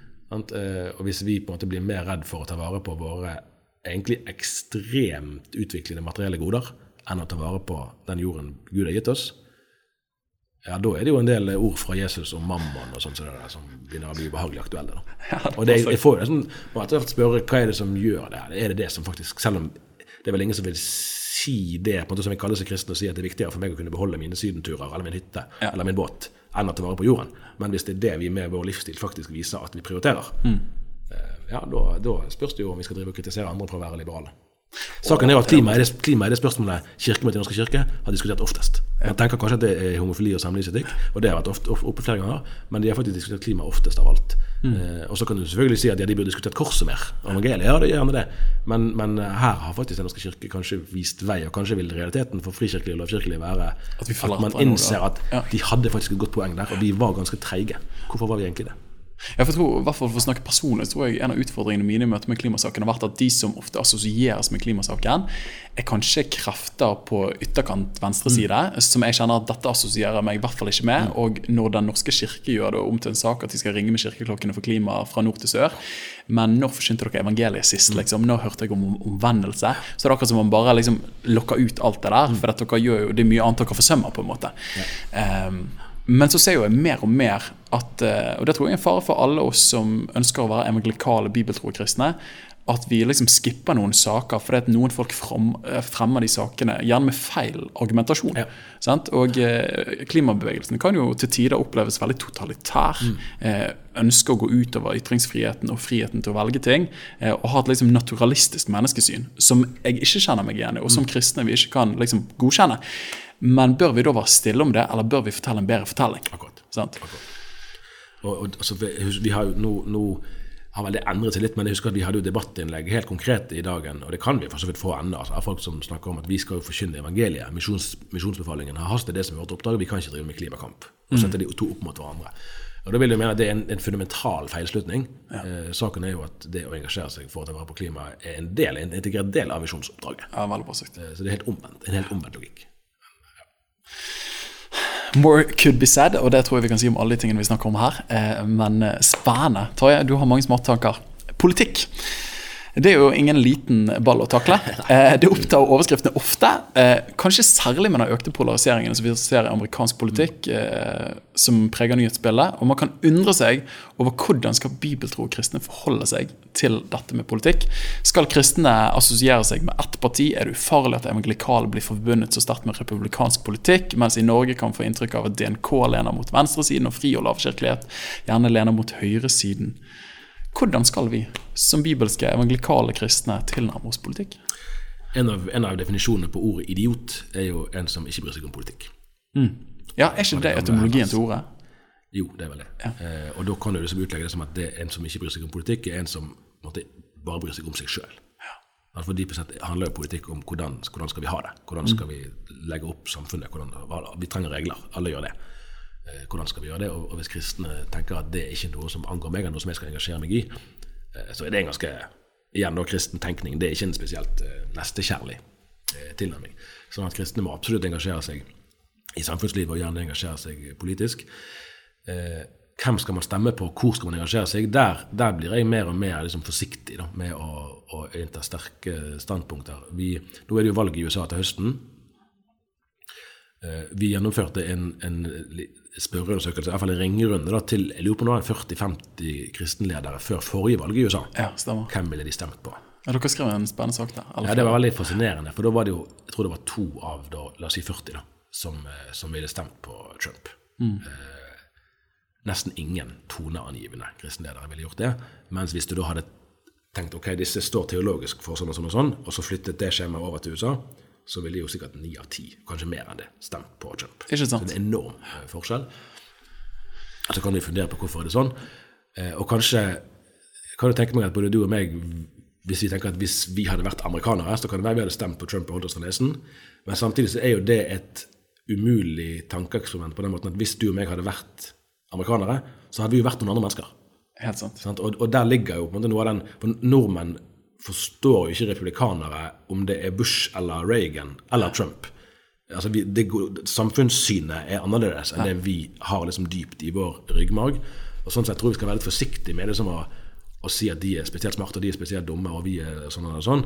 Dette er, det er en helt annen måte å forstå rollen mellom individ og myndighet på, eh, som preger eh, manges stemmegivning. Denne dyrkelsen av Trump, den syns jeg er ganske vanskelig å, å, å forholde meg til. Eh, Selve det at man stemmer republikansk, og nå var det Trump som var kandidaten, det, det kan man argumentere for. Eh, Og der, og der er det jo et spørsmål om, om eh, og Det er jo en tematikk som det som vi sier nå, en tematikk som er aktuell i Norge òg, nemlig hvor mye vekt skal du legge på konkrete Sånn som abortsakene. For der har jo Trump sin utnevnelse av, av konservative dommere vært en, en Og det har, det har han jo levert òg langt på vei, selv om vi får jo se hva det kan føre til. da, mm. i hvert fall har han utnevnt disse dommerne. Eh, skal du tenke at den saken er så alvorlig, når du tenker på Hillary Clinton sitt abortsyn og det som kunne kommet, Altså ganske ekstremt. Virkelig. eh, Og i norsk målestokk. Sånn at den saken er så viktig at den trumfer alt. Kanskje det. Og det har vi jo hatt nå i, Norge, sant? med, med tvillingabort og, og de forskjellige sidene ved, ved gen- og bioteknologien, som, eller mulighetene da, som, som følger der. Skal den saken avgjøre Er det sånn at alle seriøse kristne egentlig må stemme KrF mm. pga. den saken? Det tror jeg ikke vi skal tenke, da. Ja. Eh, Det tror jeg ikke. Men en forståelse for de som drar den slutningen òg, at Ja, ja, da, eh, livets for, altså, rett er det viktigste. ingenting det er jo, altså, alle, en, en måte, seriøs statsleder vil si at mitt hovedansvar er å ivareta mine innbyggeres sikkerhet. Mm. Altså ta vare på liv og helse for mine. Og, og egentlig handler jo denne saken her om det, dypest sett. Sant? Altså selve livet. Hvor hen er det livet har rett, og hvilke vilkår har livet? Og her ser vi et punkt der livets rettigheter faktisk blir, blir Mm. unnslått, eh, eller underslått. Det var, det var helt sånn påfallende. Det var en, en, en av politikerne i Fremskrittspartiet som sa noe helt åpent at uh, i forbindelse med, med stortingsdebatten nå i mai, at uh, fosteret får rettsvern i uke tolv. Hvorfor det, egentlig? Sa det. Hvorfor har ikke fosteret rettsvern i uke 11? Hva er det som skjer med fosteret fra uke 11 til uke 12? Som gir det rettsvern? Det er jo ikke noe i utviklingen. Så. Og det er jo det evige spørsmålet man aldri får svar på Ja. av sine meningsmotstandere på det området. Men, ty, men type, Man hører kristne ledere som sier eh, vi skal være partipolitisk nøytral, Mm. men ikke verdipolitisk nøytral. Kan man som kristne ledere som Kan man assosieres med et politisk parti? Er det uproblematisk? Er det bra? Hva tenker du om det? Det er ma- mange prester og pastorer som òg har vært eh, politiske i sitt kommunestyre, f.eks. Og det vil jeg ikke liksom, generelt si at det er galt. Da kan ikke det være med, apropos kristen tenkning og involvering, man påvirker, og man er nødt til å være et parti. Man bør ha en ydmykhet i, i det, at, det at den og den pastoren er med i det og det partiet, ikke det samme som at han fra talerstolen bør si at det må alle være. At det er på en måte en, en, eh, Akkurat som man kan ha, man kan ha ulike syn på, ulike spørsmål, at dette er også et sånt spørsmål. Jeg velger å la mitt politiske engasjement komme til uttrykk der, men det kan andre velge eh, annerledes. Der var jo eksempel en på Sørlandet var det jo lenge en allianse mellom til og med pinsebevegelsen og arbeiderbevegelsen. De, Sosialt sett oppstår jo de til dels i samme samfunnssjikt. Så der var det jo Nå tror jeg de båndene er ganske pulverisert. Da. Når jeg spør liksom rundt, så finner jeg nesten ingen spor av det igjen i disse miljøene. da. Men, men det helt inn i vår egen tid. Så var det, var det reelt fremdeles. Jeg tenker Arild Edvardsen var jo forholdsvis assosiert med Arbeiderpartiet. Så vi skal være, være forsiktige der. Og, og nå for å si det sånn, nå er jo Jeg har skrevet noen ganger at Kristelig Folkeparti er jo nå, sånn som vi kan se det, nesten et rent kristelig kirkeparti. Altså at sannsynligvis at nesten alle som stemmer på KrF i dag, er kirkeaktive kristne. Eh, og den gruppen er jo samtidig eh, krympende snarere enn voksne i landet. Eh, sånn at hvis ikke det skjer et eller annet som forandrer utviklingen veldig, så, så vil jo det bli krevende for KrF å holde, å holde seg over sperregrensen. Det kan være de klarer det i 2021, men i, vi, hvis ikke det skjer et eller annet, så vil det bli vanskeligere. i, ja. tiden. Og da kan det jo være du ser at, at eh, kanskje ikke minst yngre kristne velgere vil tenke at men da vil jeg heller bruke stemmen min på et parti som faktisk kan måte, oppnå konkrete resultater. På noen områder som betyr noe. ja, f.eks. i miljøsaken. Ja. Det kan fint skje. Nå er jo KrF også veldig profilert på det. Så det skal jo si. Dette var ikke noe forsøk på å snakke ned KrF? Men, men du kan fint få en situasjon der man altså KrF oppsto jo i et klima, eh, altså i en, i en konkret politisk situasjon, eh, og nå er den på mange måter veldig forandret. Og Da kan det være at unge mennesker i dag sier at nei, men jeg, jeg vil tenke annerledes. Jeg vil heller tenke at jeg som kristen eh, kan, kan være, være mer til nytte for samfunnet ved å engasjere meg i et annet parti. Det, altså, Foreløpig eh, skjer ikke dette. Foreløpig samler de seg ganske mye om eh, Kristelig Folkeparti i disse miljøene. Eh, de har, KrF har rent flertall på målingene i den tilsvarende undersøkelsen de har gjort. Jeg stemmer det. Eh, så, det, så det er sånn sett stor oppslutning. Men, men eh, ingen partier eier sine velgere, så det kan jo forandre seg. Spennende. spennende. Helt kort i forlengelsen av politikk. Forholdet i landet vårt og i Vesten, så ser man at eh, det vi står for som klassisk evangeliske kristne, det vi forkynner og veileder ut ifra, inn mot samliv, retten til liv, synd og absolutter, som vi tror Guds ord åpenbarer, blir til stadig mer utfordret, og det blir krevende. Og det er ikke veldig krevende å kunne liksom forestille seg at det blir lovmessige begrensninger. og Senest da har du med homoterapidebatten, der man gjerne foreslår begrensninger for kristens sjelesorg og hvordan det skal finne sted. Som etterfølger av Jesus, hva skal vi tenke om dette? Hvordan skal vi forholde oss til dette? Skal vi få panikk? Skal vi gi etter? Skal vi gå imot? Hva er det liksom dine fremste tanker? Jeg tror vi skal forholde oss til det med frimodighet, mm. først og fremst. da. Eh, Og våge å stå for det som vi har fått overlevert, og som vi tror er ære verdt, eh, som Paulus eh, skriver om. Eh, Og så får det få de konsekvensene det får. Ja. Og egentlig er det så enkelt. Det er så enkelt, ja. ja. Selv om det, det kan vi sitte her og si i et fredelig rom eh, sant, en rolig dag. Eh, det kan fortone seg ganske annerledes når man står i kampens hete, og det har jo en del fått eh, erfare. Eh, hvordan, hvordan vil det gå i fremtiden? Det vet jo ingen av oss. Sant? Vi kan bruke uendelig mye krefter på å bekymre oss for ting som kan skje i morgen. Eh, og der på en måte, det, det finnes en sånn naivitet som jeg vil slutte meg til. Og den er ikke naiv, egentlig, for den er veldig realistisk, men den handler om at vi skal kjempe for noe, det skal vi stå for, og så får det koste det det koste vil. Mm. vi deltar ikke i en popularitetskonkurranse som kristne. Det er ikke det som er liksom den øverste målestokken for suksess. Eh, jeg har diskutert det litt med, eksempel med, med statsstøtten til kristne skoler.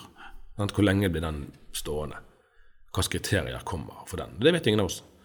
Eh, Og da kan jo da, selvfølgelig vil jo en ansvarlig leder tenke langsiktig og prøve å navigere klokt, men samtidig så ok, i dag kan jeg gjøre en god gjerning, i dag kan jeg drive en kristen skole. Hva som skjer i morgen, vet ingen av oss. I dag skal jeg gjøre mitt beste.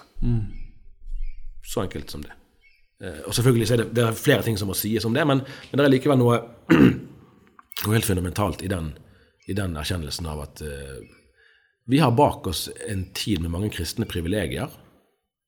Eh, og, og vi skal absolutt kjempe for den kulturen som vi har fått tildelt. Vi har ikke bygget den opp sjøl.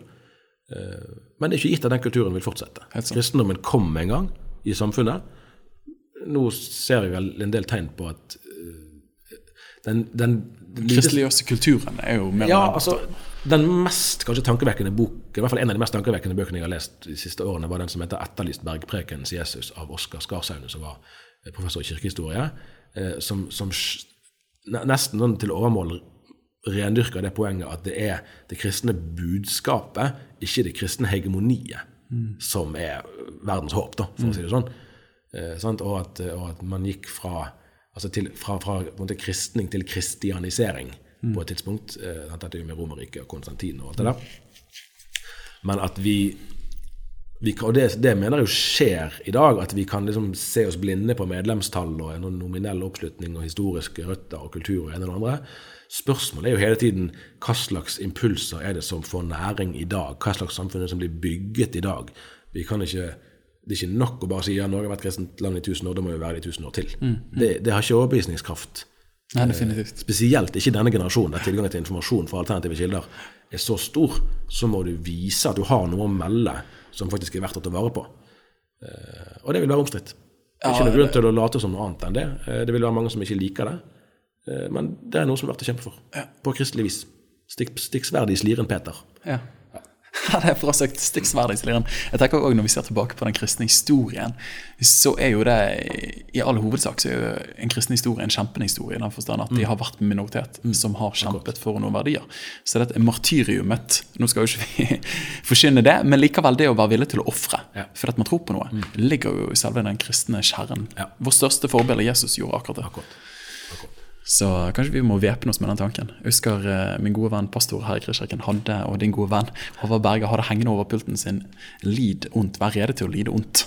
Eh, og det tror jeg vi trenger å væpne oss med den tanken, for vi har eh, hatt det veldig godt Vi i kan, tid. altså, vi kan selvfølgelig begynne med sånne selvmartyrium-greier. og Det er ikke noe å trakte etter i det hele tatt. Eh, sant? Vi skal ikke liksom svartmale på noen måte. Vi har veldig mye å være takknemlige for eh, i Norge, eh, og i Vesten i det hele tatt. Men, men det, det er helt naivt å tro at kristen tro skal kunne fremmes uten å være omstridt. Ja. Eh, At det, at det går an å altså hvis, Du kan nesten si at hvis det lykkes, så bør man jo virkelig stille spørsmål ved hva slags kristen tro man da formidler. Helt sant. Oi. Du, Vi hopper over til den andre overskriften. Det er kirke. Vi har jo taklet eh, spørsmål som angår kristne. Eh, dette er kanskje spørsmål det vi har snakket om til nå, som er liksom mer man møter i hverdagen, i det store samfunnet, men litt mer internt i kirkelandskapet. Eh, spenninger mellom de ulike konfesjonene i Norge er lavere enn noen gang. Det tror ikke jeg til å komme unna. Og hvor eh, Dere i dagene har vel skrevet om det, men hvordan f.eks. i Philadelphia, som er den største pinsemenigheten i Norge, i Oslo, på kveldsmøtene der så er det veldig mange lutheranere som går der. Eh, kanskje majoriteten eh, til tider, uten at man har empiri for det. Og de fleste ungdomsarbeid etter mitt skjønn når jeg reiser rundt og preker, har liksom en sånn Hillsong light-vib. Alt fra indremisjon til trosbevegelsen. Styrkene tenker jeg åpenbare, apropos det vi snakket om et mer kritisk og fiendtlig samfunn inn mot kristne verdier, at vi får en indre samling som er veldig bra. Hva ser du på noe av farene ved på en måte denne økte økumenikken, men òg kanskje en teologisk eh, eh, altså eh, mangel på refleksjon? da? Jeg vil først bekrefte eh, veldig eh, bildet du beskriver. Og det og her er litt apropos til, til det som jeg sa tidligere om Oase sitt 40-årsjubileum. Eh, Vi skal ikke gi kanskje Oase æren for alt dette, det tror jeg ikke vi skal, men, men, men det er en kjensgjerning at det som Altså, jeg har sett litt nå på Oase-møtet fra 1981, det året jeg ble født. Eh, og de, de, det der var omstridt på den tiden. I dag fremstår dette forsiktig. Jeg jeg tror det at Indremisjonsforkynnere kunne sagt hvert ord av det som ble sagt i talene. Og sangen ligner mer på et bedehus enn på en karismatisk frimenighet. Så morsomt. det. Så det har skjedd veldig mye da, i det, liksom, den indre kirkelige kulturen. Um, og det, og det altså repertoaret Tenk på at Pinsebevegelsen hadde sin egen sangbok, Metodistkirken hadde sin egen sangbok, Den norske kirka sin salmebok, bedehuset hadde ropt det ut osv.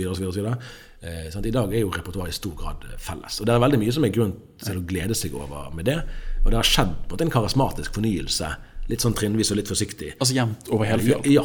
Eh, de har ikke nådd så langt inn i Den norske kirkes høymesser som de hadde håpet på, men ellers så, så er det veldig mye som har blitt preget av dette her. Litt og litt og litt og litt. Mm. ja, Så kan man diskutere, men veldig mye som er veldig verdifullt og bra med det. Eh, Så er det jo selvfølgelig, det er jo åpenbart en, en risiko at sånne endringer bare tvinger seg frem uten at det egentlig er en refleksjon rundt det. Og Det er jo kanskje den mest åpenbare faren òg med f.eks. med dåpssyn. Eh, At, at jeg tror vi skal ha dyp respekt for at det finnes både historisk presedens og også gode teologiske argumenter på begge sider, hvis vi tenker to sider, med, med luthersk og baptistisk. Eh, men det er jo på ingen måte noe bra alternativ å bli likegyldige og tenke at det ikke er så farlig. Hvis det er konsekvensen av den sterkere tilknytningen med til hverandre, så, så har man jo da begynt å integrere en I hvert fall kan det være fare for en teologisk bevisstløshet som også kan få betydning på andre områder. Sant. Plutselig ikke det er så farlig med, med, med læren, hva, hva den kristne kirken skal stå for. Vi kan jo være venner. og Ja, man blir rett og slett eklektisk. Man plukker det man vil ha. Ja. Eh, Og hvor går da grensen for det? Så den, den er jo der helt, helt opplagt. Det som jeg kanskje likevel vil trekke frem som jeg stusser mest på, er egentlig eh, viljen til å, å reflektere kritisk over de trendene man tar opp i seg. Eh, og det kan man jo fundere lenge og vel over, sant, hva som er årsaken til det. For nå, men, men altså, Jeg har ledet lovsang i 25 år, sant, så jeg er veldig glad for mye av den utviklingen som vi nettopp har, snakket om nå. Eh, Men eksempel så vil jeg jo spørre sant, hva for en plass har eh, kristne sanger som ikke er lovsanger i den kristne gudstjenesten? Sanger som kan handle om ulike sider ved livet, ulike sider om Gud. eh, Sanger som er forkynnende. Sjelesorgsanger. Virker som de blir skjevet helt ut av den kristne gudstjenesten. Mm. I, i mange miljøer. Ut, og, og ikke bare det, men når jeg f.eks. tar det opp, og når andre tar det opp, så er der, der er på en måte ingen som snakker i andre enden. Ja.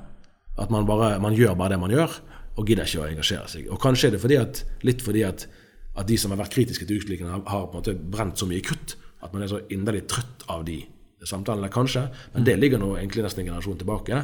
I dag Altså for å si det sånn, husker, De fleste av oss kan jo mange flere sanger enn vi kan prekener. Er helt sant. Sånn at de sangene vi synger i kirken, det betyr noe for hele vårt gudsbilde, hvordan vi forstår selve livet. Ja, og det lagres automatisk i hjernen. ja, det gjør det. Det sant? Det, veldig det, det ligger jo noe i avsangens vesen. Sånn at ofte kan du liksom, hva slags gudsbilde du har, kan, du kan jo noen ganger sangene nesten like mye si som forkynnelsen. Definitivt. Sant? Og, hvis, og hvis det gudsbildet vi da maler opp i de kristne gudstjenestene, i møtene våre, er ytterst mangelfullt, så er det en veldig Altså det vil man merke over tid. Eh, Og hvis vi ikke vet å I den åndelige det Ja. Riktig. Altså, altså De sangene du synger som tenåring, Mm. er de sangene du kan når du som 25-åring møter eh, tvil, f.eks. Mm. Hvis du ikke har lært deg å sette ord på det. I can det sing your love forever. Så, nettopp, sant? så er veien ut. Da er veien vekk fra troen kortere. Og hvis du sitter og ser på Dette skjer på min vakt, men jeg gidder ikke engasjere meg i det fordi jeg er så glad i lovsangen. Ja, kanskje- Ja, kanskje det er spennende innspill, altså. Og jeg, jeg, jeg har jo hørt deg eh, løfte opp eh, denne tematikken tidligere.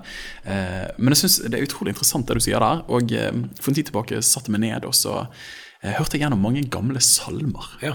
Og har liksom funnet sangboken når jeg er på hytten til bestemor sin gamle sangbok, og så leser jeg gjennom tematikken der. da. Og det er jo så velformulert forkynnelse. Satt tone til det.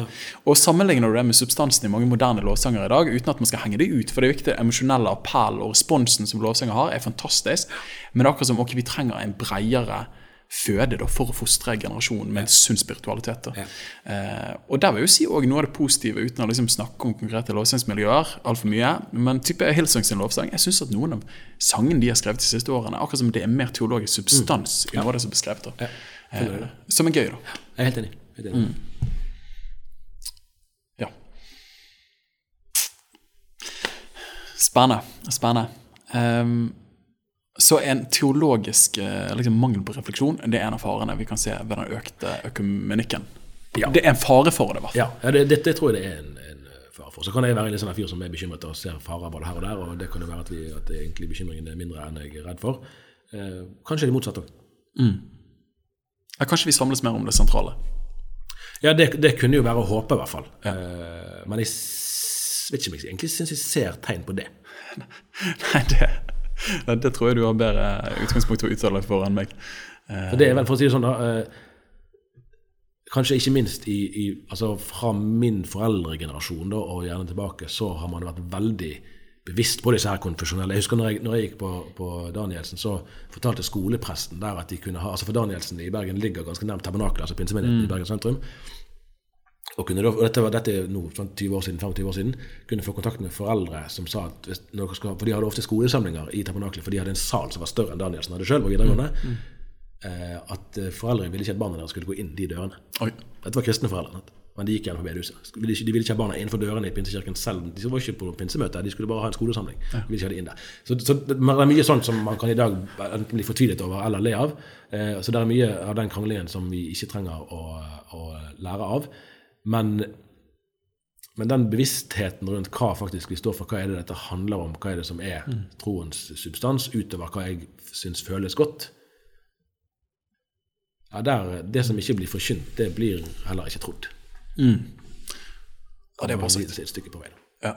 Jeg tror kanskje en siste kommentar til det ut fra mitt blikk. Jeg tror måtte være at jeg eh, Det er akkurat som jeg ser en sosial tilhørighet blant kristne. At de opplever mer at vi er kristne, og da opplever de sosial tilhørighet. Men tidligere var det gjerne jeg en, jeg en kristen pinsevenn, og du hadde tilhørighet på det området. Jeg opplever at det er mer det at vi er en kristen størrelse, mer enn at det er en veldig teologisk refleksjon av at som pinsevenner tror vi dette, eller metodister tror vi det. Eh, Så jeg er helt enig med deg der. Jeg tror det er viktig at som forkynnere og ledere som vi er, at vi løfter opp eh, teologien for hva man tror på. Det er essensielle som vi tror på, men ikke minst er du metodist. Hva er det distinkte teologien som har preget den bevegelsen? For det ligger store rikdommer i det. da. Eh, Så da kunne vi snakket mer om type Philadelphia som fjerner medlemskravet om troende stopp. Men det skal ikke vi snakke mer om. Interessant. Du, et annet spørsmål som eh, er kanskje enda mer betent. Som eh, evangelikale evangeliske kristne, med liksom Lausanne-pakten og Cape Town-erklæringen i bunn, hvordan skal vi forholde oss til fellesskap med andre kirker og kristne som tydelig går på akkord med det vi ville kalt for kjernesannheter i Bibels lære? Og Kanskje særlig ble dette aktualisert ved kirkemøtet i 2017, som gikk inn for eh, likekjønnet vigsling. og Da er det to liturgier i DNK. Mange vil gjerne påpeke at det er det ene synet som får forskjellsrett framfor det andre. Eh, teologisk refleksjonsgruppe i pinsebevegelsen gikk ut, oppfordret pinsemenigheten til ikke å samarbeide med prester som var liberale, eller sto for et liberalt syn på dette området her. Eh, dette er spørsmål jeg har tenkt på som menighetsplanter som pastor. Hvor går grensene for fellesskap? Kanskje ikke mellom kristne, men fellestiltak mellom menigheter og åndelige ledere. Da. Hva kan vi si her?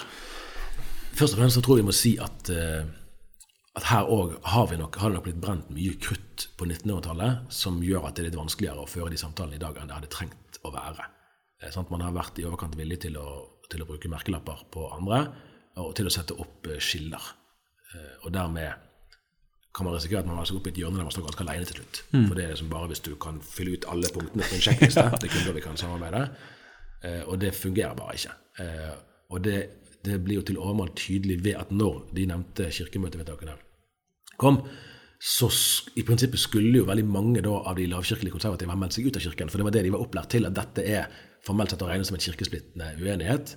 Konsekvensen av det er at, at fellesskapet er brutt. Men det, var, det er jo veldig få som har meldt seg ut. Sånn, sånn, at, sånn at de som har vokst opp i de miljøene der man har hatt veldig klare tanker om dette, har ikke fulgt opp det som de på en måte var opplært til.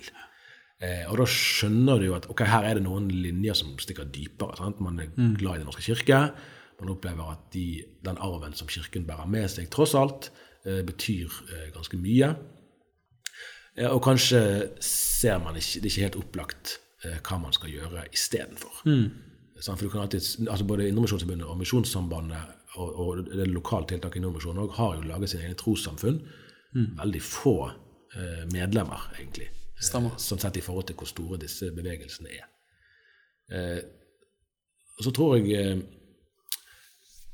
det ligger en utfordring, positiv utfordring i å våge å rette oppmerksomheten mer mot det sentrale, snarere enn å hele tiden skulle prøve å sette grensen der er det innenfor, der er det utenfor. Ja. Det er uansett ikke opp til oss å bestemme menneskers evige skjebne.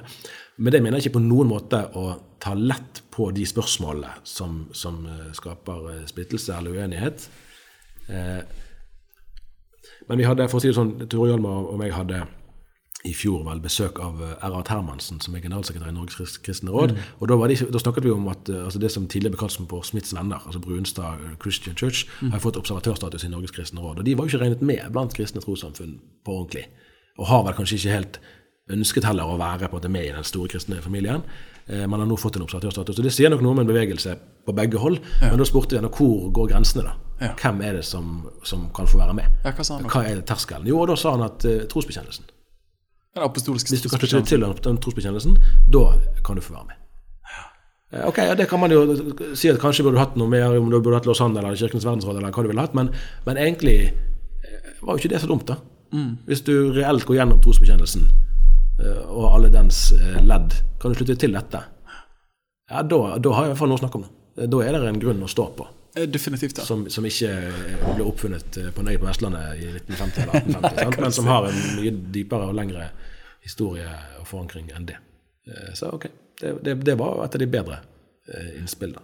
Jeg har hørt òg frikirkelige ledere som sier det samme. da, at eh, Kan vi enes om den apostolske trosbekjennelsen? Som sto vel ferdig liksom formulert sånn som vi har den i dag på 700-tallet, men henter mye tilbake fra oldkirkelige bekjennelser. Ja. men du finner jo ikke så mye om samlivserklæring Nei, innenfor der, da. Eh, og det det er jo ikke sikkert du vil svare på det, men vil du si at eh, på dette området her, mot, eh, hvis vi må gå inn for likekjønnet ekteskap, kan velsigne det som jeg mener Bibelen er veldig tydelig på åpenbart sier er synd?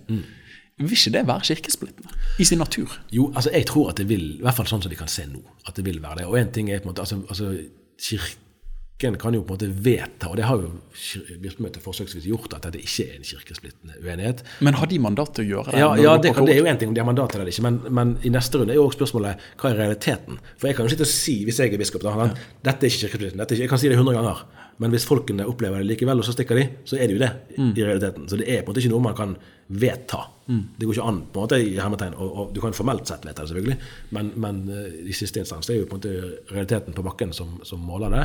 Og jeg tror at det i veldig mange tilfeller vil fungere eh, kirkesplittende, eh, fordi at og noe av det som er påfallende, for du, du, du sa at Bibelen er tydelig på det, sant? og det, noe av det som er underlig i denne samtalen, er jo at det er jo partene egentlig enige om.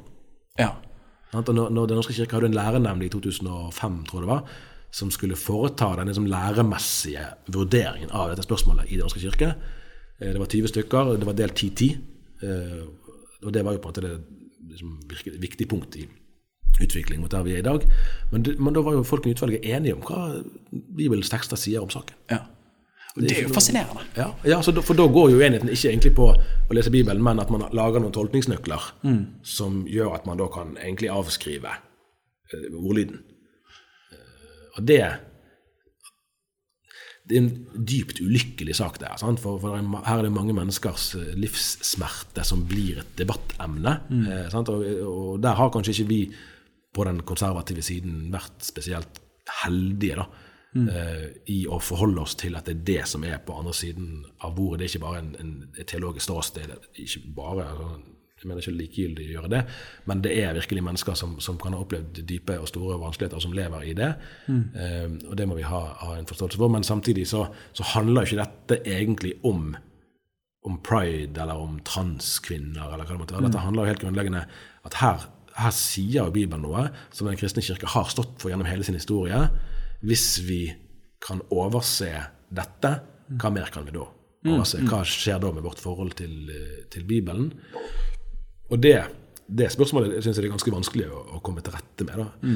Så hvis man skal hvis man skal oppgi den skansen, eh, ja, da, da eh, er det mye annet som òg er i spill. Ja. sånn. Jeg husker jeg snakket med en, eh, en prest eh, forleden for en tid tilbake. Og Han sa det at ok, dette, dette var en konservativ prest, og han foretrakk å kalle seg klassisk istedenfor konservativ. i den forstand at Dette er den teologien der som Kirken har hatt i tusenvis av år. og alltid hatt. Og det er noe jeg husker C.S. Lewis eh, husker han sier det. Han skrev det. eh, Kronologisk snobberi. At det er noe påfallende ved at vi i løpet av de siste 10-20-30 årene tenker at vi har satt lyset, mens 1000 år før så har de ikke satt lyset. Det er en stolthet som tenker at alt er progressivt, alt blir bedre. Det har jo historien vist at det ikke blir. da. Nei, virkelig. Og, og det, altså, der kan vi jo legge til at vi lever jo ganske opplagt i en, altså en sekulariseringstid. Eh, sant? Der, der oppslutningen om kirkelige aktiviteter eh, går ned, og, og færre som medlemmer og færre som deltar på gudstjenester. Eh, så hvis, altså, er dette en tid som det er naturlig å lytte til, eller en som, tid som det er naturlig å forholde seg mer skeptisk til? Ja, man kan jo tenke sitt eh, om, om nettopp det snobberiet. da, At vi eh, slutter å gå i kirken og samtidig påberoper vi har stor autoritet når det gjelder å nytolke. eh, Det er kjempeinteressant. etter lang tid. Så er det, jo, det er jo det å si om at, at disse begrepene konservativ, eh, klassisk, eh, bibeltro, Guds klare ord eh, De ordene har jo òg blitt brukt, eller de karakteristikkene har jo òg blitt brukt på mange forskjellige måter. Eh, så nesten alle de er jo òg befattet med vanskeligheter. Det var en, en i vårt land som skrev om det ganske nylig, at nå er på klassisk er blitt det nye Guds klare ord. For man skjønner at det begrepet kanskje var vanskelig, for det var ikke alltid det var like klart. Mm. Og nå er det klassisk man bruker. Og det òg Altså, ulike syn har jo eksistert i flere av spørsmålene og lenger tilbake i tid, så vi skal ikke liksom late som at ting er lettere enn de er. Eh, Men det er samtidig en kjensgjerning at det er noen ting vi har fått overlevert. Ja. Eh, Og så kan du bruke den merkelappen på det som du vil, men, men eh, det er vel liten tvil om at den samlivsetikken som Den norske kirke har gått inn for nå, eh, mangler eh, støtte i, i 2000 år med kristen historie. Det burde vekke ettertanke. Og etter mitt skjønn omvendelse. Ja. Eh, ifølge en undersøkelse som Sendt Norge gjorde for en del år siden, eh, Øyvind Augland sto vel i bresjen for det, eh, så ligger vi ned litt flere kirker enn vi starter. Vi snakket eh, før podkasten om eh, David Kinnaman sin bok 'You Lost Me', som kom ut i 2011. Som viser at eh, fra amerikansk kontekst at rundt 70% av de som vokser opp i menighet, ender opp med å ikke være kirkeaktive. Og mange av de mister troen. Ikke alle, men mange blir liksom exiles, som ikke, nomader som ikke går i kirker. Um, vi har kulturkrig i menigheter mellom unge og gamle. Vi snakket litt om lovsang i sted. Eh, og utrolig mange forsamlinger mangler barne- og ungdomsarbeid, med andre ord en naturlig framtid.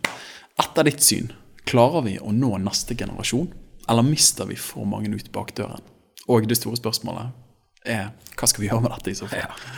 Ja, altså Det med bakdøren er jo ganske opplagt. Eh, hvis, hvis, en, hvis landets menigheter hadde satt seg som mål at i løpet av neste året så skal vi ikke vinne ett, ikke ett nytt menneske for Jesus, men vi skal ikke miste noen av de vi har, så ville det være en vekststrategi for omtrent alle. Men det er jo en veldig defensiv strategi. Det er jo trist å høre, men det er jo sant. Det, det er jo det. Eh, Og, og igjen så, dette er liksom, og her er også for meg en grunn for å drive kristen avis. da. For dette spørsmålet må stilles høyere og tydeligere. Hvis, jeg mener liksom, hvis Kirken hadde solgt pølser og hatt et så stort frafall av kunder, så hadde man spurt seg hva i alle dager er det vi gjør galt? Hva i alle dager er det ved vår virksomhet som gjør at vi mister så mange av de som skulle være altså brukere, kunder, hva slags ord du vil bruke. Hvis vi skal snakke, Nå er kirken, kirken ikke, ikke en butikk, sånn at logikken halter litt. Men, men eh, altså, vi har vel alle i oss krefter som drar oss bort fra Gud. Eh, og vi kan ikke late som noe annet enn at det tror jeg òg spiller inn her. At vi lever i en tid der det, er fristende for mange mennesker å i hvert fall ta ut litt mer avstand da, til kristne fellesskapet og kanskje til Gud, og dermed kunne styre livet sitt mer sjøl. Uh, og det, det problemet løser vi ikke nødvendigvis ved å gjøre kirke annerledes. Eh, men at det er òg en del sider ved den kulturen som mange av oss er glad i som likevel da ser ut til å ha den konsekvensen at mange mennesker eh, forsvinner. Ja. Eh, Det Jeg kan ikke forstå hvordan vi kan forsvare å ikke eh, snakke mer åpent om det, og ikke våge å adressere noen av våre egne hellige kuer. Ting som vi liker spesielt f.eks. i lovsangsstil, eller i forkynnelsesstil, eller hva det måtte være. Spørre kritisk er det noen sider ved dette her som egentlig er menneskeskapt. Ja. Som er det sånn fordi at vi liker det, eller fordi at våre foreldre eller deres foreldre likte det, mer enn at det egentlig eh, tjener sin hensikt, eller har en bibelsk, virkelig bibelsk forankring. Hvis det er tilfellet, og hvis det fører til at mennesker eh, faller ut, hva slags lederskap er det da å ikke gjøre noe med det? ja, det er godt sagt. Godt sagt. Og, og det, det er ransakende spørsmål, for da kan du være Og her, her vil jeg virkelig egentlig berømme eh, pinsebevegelsen og nå, men, altså Jeg har talt i tunga siden jeg var tidlig i tenårene. Nå fikk vi dette på podkast. Har jeg eller talt i tunga? Det er herlig. Så det, det, det, det anbefaler jeg, eh, selv om jeg sikkert burde gjort det mer. Eh, men, men tenk på hvor viktig tungetalen har vært for å forstå pinsebevegelsens historie i Norge. Ja. Og likevel, og de, Nå bruker jeg det som illustrasjon, mener at det trenger å være noe veldig stort tema i seg sjøl. Men da har man tenkt gjennom ok, liksom, hva er det ved vår pinsestil, pinsekultur, som, som ikke tjener til å fremme evangeliet. Og så har man gjort eh, f.eks. på led. Man har gjort noen ganske store grep. Man kan diskutere de grepene osv. Det, det er mye å si om det. Men jeg vil, likevel berømme pinsebevegelsen for å ha vært, tatt en selvkritisk refleksjon. Hva er det her som er fra Gud, og hva er det som er på en måte kultur? Ja. Eh, menneskelig kultur. Eh, hva er det vi faktisk bør, bør korrigere her? Fordi at vi det er ikke tungetalen som er hovedsaken hos oss, det er at mennesker skal bli kjent, bli kjent med Jesus. Det er det som er, som er hensikten. Eh, og jeg har prøvd liksom at hva hvis Misjonssambandet skulle ta samme, hvis, hvis eh, Frikirken osv., osv., osv. Eh, og, og prøvd å identifisere hva slags kulturtrekk i min sammenheng da, er det som har en tilsvarende funksjon, som, som kanskje har en forankring historisk, men egentlig ikke nødvendigvis helt ut bibelsk. Okay. Eh, og igjen, da, hvis jeg ikke våger å stille de spørsmålene fordi det er så ubehagelig, det er ikke så veldig beundringsverdig. Ja, veldig bra sagt. Veldig bra sagt. Ofte tenkt på det begrepet konservativ. Det betyr jo, kommer jo fra liksom, det å konservere noe. At av og til konserverer vi en tradisjon, eller konserverer vi lojalitet mot en misjon. Ja, det kan du godt si. Og så kan du spørre om, altså, For det finnes noe veldig edelt i det å være konservativ. For det er noe som er verdt å ta vare på. Eh, men dessverre så er jo historien om 1900-tallets Kristen-Norge at konservativ ofte har bare betydd at man er forsinket. Å, det er bra sagt. For man, man endrer seg egentlig, men det går bare litt saktere. Ja. Og det, er sånn, og det, det tror jeg er en sånn psykologisk mekanisme som kanskje preger de som er altså unge da, i dag, mer enn vi. Og det er rart å si vi, om som ikke lenger er unge, men okay, det er virkeligheten. Sant? At man ser at ja vel, men de sa at det var synd, men så gikk det ti år, så var det ikke synd likevel. De sa at det var med musikkstilen, kortspill osv., osv. Mange ting. Eh, eller eller eh, liturgiske elementer som man tok avstand fra. Eh, og så skjønner man etter hvert at disse menneskene er jo villige til å bruke ganske sterke ord om ting som de seinere ikke sier det samme om lenger. Hvorfor skal jeg stole på dem? Mm. Hvis konservativ er å være forsinket, da vil jeg ikke være konservativ. Hvis det derimot handler om å ta vare på det som er umistelig, da vil jeg gjerne være konservativ. ja, veldig bra sagt. Veldig bra sagt. At vi ikke går baklengs inn i framtiden, men at vi konserverer det vi skal akkurat, konservere. For det, hvis det skal være litt sånn der synsende, kanskje, at det opplever jeg egentlig plager vår tids kristenhet ganske mye. At vi går baklengs inn i, Mm. i fremtiden istedenfor å være frimodige på evangeliets vegne. Våge å si at det er ikke alt med Gud vi kan sette ord på eller forstå. Gud er større enn våre smarte begreper og strategier. Eh, Men det er noe her som er verdt å ta vare på, selv om samtiden ikke liker det. Mm. Og så får vi håndtere det derfra. Det tror jeg har mye mer fremtiden for seg enn å prøve å være sånn her eh, Guds PR-byrå som skal liksom strømme inn i form av evangeliet, sånn at det funker i vår setting. Ja, helt sant. helt sant. Du, Dette har vært deilig. Eh, vi må ha et avsluttende spørsmål til slutt her. Eh, vi løper jo utover alle breddegrader når det kommer til tid her. Jeg liker det.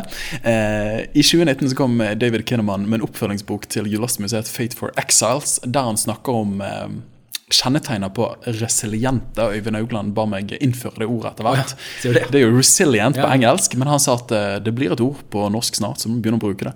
Eh, Så resiliente kristne, de som evner å tro på Gud midt i en kultur som gjerne er annerledes. Og eh, David Kinnaman snakker om at vi trenger å få en eksilteologi.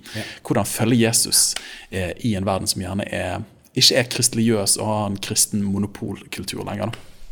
Hva tror du er viktig for menigheten i Norge? For at vi ikke bare går en sakte død i møte, men faktisk skal oppleve en ny tid av frukt og framgang. Og eh, Dere har gjort den undersøkelsen med dagen.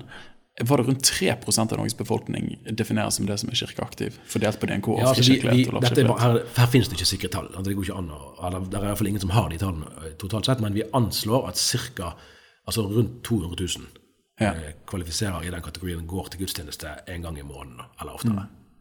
Eh, altså, Prosentregningen må vi ta, komme tilbake til, men Ja. i hvert fall ca. 200 000. Og da er det ca. 50-50 fordelt til Norske kirke og andre. Ja, ok. Eh. Vi har ikke undersøkt katolske ortodokse, det hadde ikke penger til å få til denne gangen her. Eh, Så det i Men de trekker jo ganske mange etter hvert. Ja, men vi har, når jeg sier det med 200 000, så har jeg roughly de med. Du, ok, ja. Ja. Og der hadde jo det som da het Dawn, altså sendt nå en tilsvarende undersøkelse for ti år siden, og da anslo verdien de 230-40, tror jeg, inklusive katolske ortodokse. Mm. Så at det er rundt 200 000 nå, eh, tror jeg er greit. Altså Det er ikke et presist tall, men det er et anslag. Mm. Da er spørsmålet hvordan ikke gå en sakte død i møte. Ja.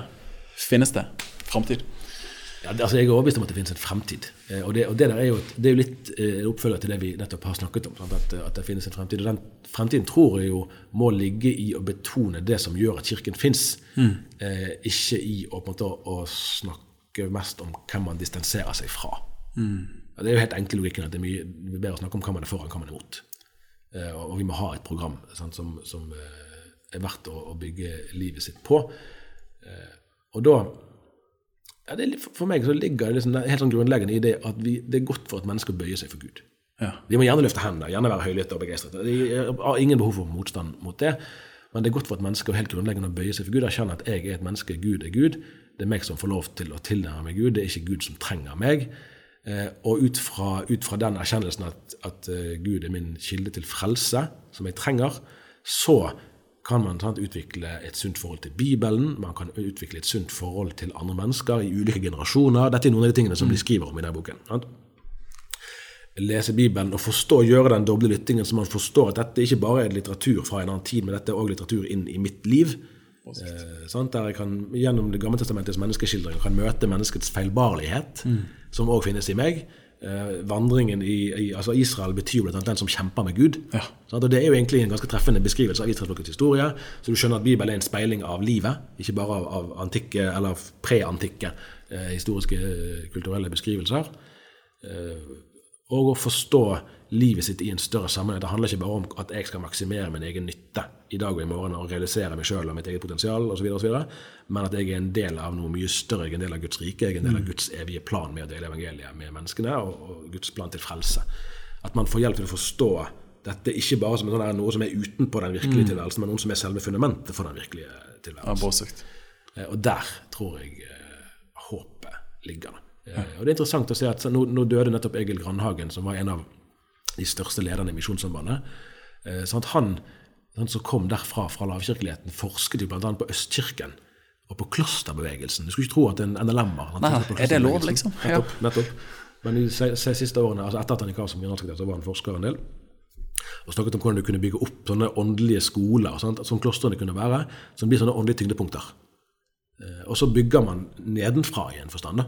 At man, man har en kristen dannelse som skjer lokalt. I, kanskje i små grupper, kanskje i store grupper. Og så får det utvikle seg og vokse. Eh, Og jeg er mye mer interessert i den bevegelsen enn i det der maktgreiene om at nå skal samfunnet kristnes ovenfra. Eh, kjenn- Det er mer gjenkjennelse egentlig fra Nytestamentet. Ja, ja, er Mennesker, mennesker møtte Jesus, som skapte en bevegelse som vokste. Ja. Men da er det helt den, du må tilbake til den helt fundamentale. At mennesker møter Jesus, vi må møte Jesus og bøye oss for Gud. Og lære oss å forstå oss sjøl og livet ut fra den, den dimensjonen. Eh, Og så eh, kan du få en positivt forstått en erobrende kristendom. Ikke en sånn makterobrende. Det å være radikal Når jeg var tenåring, var det å være radikal, radikal var kjempekult. I dag er det livsfarlig. sant? Men å være radikal i kristen mening av ordet, og komme tilbake til den kristne troens røtter, det bør vi virkelig fremelske. Eh, Og da kan du få en bevegelse som vinner terreng. Ja, bra sagt. bra sagt. Da må siteres Thomas Boll Barrat eh, til slutt her. Fram til urkristendommen. Amen. Amen. Du, tusen takk, eh, Tarjei Gille, for eh, tiden og ikke minst tankene som du delte inn mot disse spørsmålene her. Eh, Dette her har vært så rikt. Det var så fint. Min aktelse av deg står enda høyere. Jeg står fortsatt ved lag, i hvert fall. Eh, Og så Tusen takk for det. Hvis du har lyst til å Jeg skal ikke prøve å summere det som blir sagt her, for det er altfor mye. Eh, Men du Tarjei, du er på Instagram, du er på Facebook. Ja, jeg, jeg, ja, jeg leser mer enn jeg skriver, men Ja, Og så har du en podkast, du og Tore. det riktig. Så anbefales sterkt. Hvis folk vil ha mer av Tarjei Gilles sin smarte tanke og varme hjerte. Takk for at du lyttet inn til Liv og lederskap, og håper at du ble inspirert til å leve sterkere og lede større Jesus-etterfølgelse. Hvis denne episoden ga deg noe, del den veldig gjerne videre til en venn eller to, sånn at de kan bli inspirert. Og husk det at ditt liv, ditt lederskap, betyr en forskjell, så ikke len deg tilbake, men len deg framover. Vi trenger deg.